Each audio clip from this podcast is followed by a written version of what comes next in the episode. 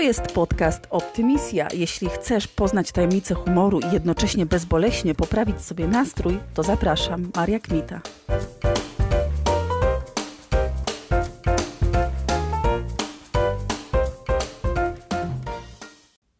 Dzisiaj specjalny odcinek podcastu Optymisja, w którym przeczytam fragment mojej książki Poprawczak nastroju.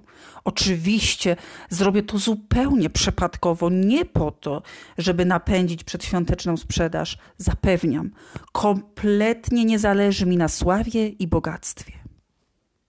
Z czego śmieją się dorośli? Kiedy spojrzymy na tematy żartów w komediach, kabaretach, memach czy stand-upach, możemy zauważyć, że prawie wszystkie da się podciągnąć pod kategorię problemy. Tak, dorośli głównie śmieją się z problemów. A skądże to dorośli biorą wszystkie problemy? Z życia, panie, z życia. Codzienne obserwacje i doświadczenia dostarczają niekończącego się materiału na komedię. Ktoś kiedyś mądrze powiedział: tragedia plus czas równa się komedia. Ja bym powiedziała, że problem plus czas równa się komedia. Czas na przykład. Poprawczak nastroju, strona 24. Najgorzej. Trudno narzekać na narzekanie i jednocześnie przyznać się do głębokiej potrzeby współuczestnictwa w narzekaniu. Nie ma przecież nic gorszego niż kiedy narzekasz na to, że wstajesz w nocy do dziecka tak często, że masz już obczajone wszystkie okna życia w powiecie, a ktoś na to zupełnie bezczelnie odpowiada: Nie wiem, jak to jest. Moje dzieci zawsze przesypiały całą noc. Jakim prawem? Przecież można ściemniać i okazać solidarność. Ja chcę usłyszeć, że masz najgorzej lub gorzej, lub w najgorszym wypadku podobnie. Przykładowo. Jeśli się już palnie, że nasze dzieci przesypiały każdą noc, to warto szybko dodać, że od tygodnia mamy problemy z zatwardzeniem. To jest wręcz kwestia kultury osobistej. Jak ktoś jest na bezrobociu, to może łaskawie pomińmy wieści o swojej podwyżce i awansie. Dobrze mieć na taką okoliczność jakieś równoważne nowiny. Mogą być z innej dziedziny życia, ale powinny być jednoznacznie kiepskie.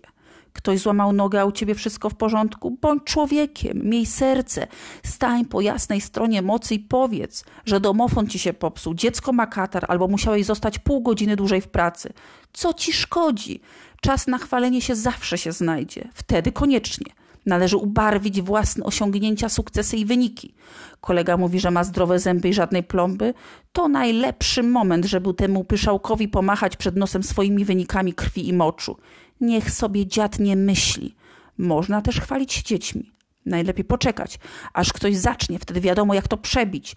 Dziecko sąsiadki dobrowolnie je brokuły, a nasze je marchew, buraki w dodatku jeszcze nie przeklina. Też jeszcze nie mówi, ale mniejsza o to. Jeśli zaś chodzi o chwalenie się swoimi umiejętnościami, dla bezpieczeństwa warto wymieniać tylko te, które innym się nie przydadzą.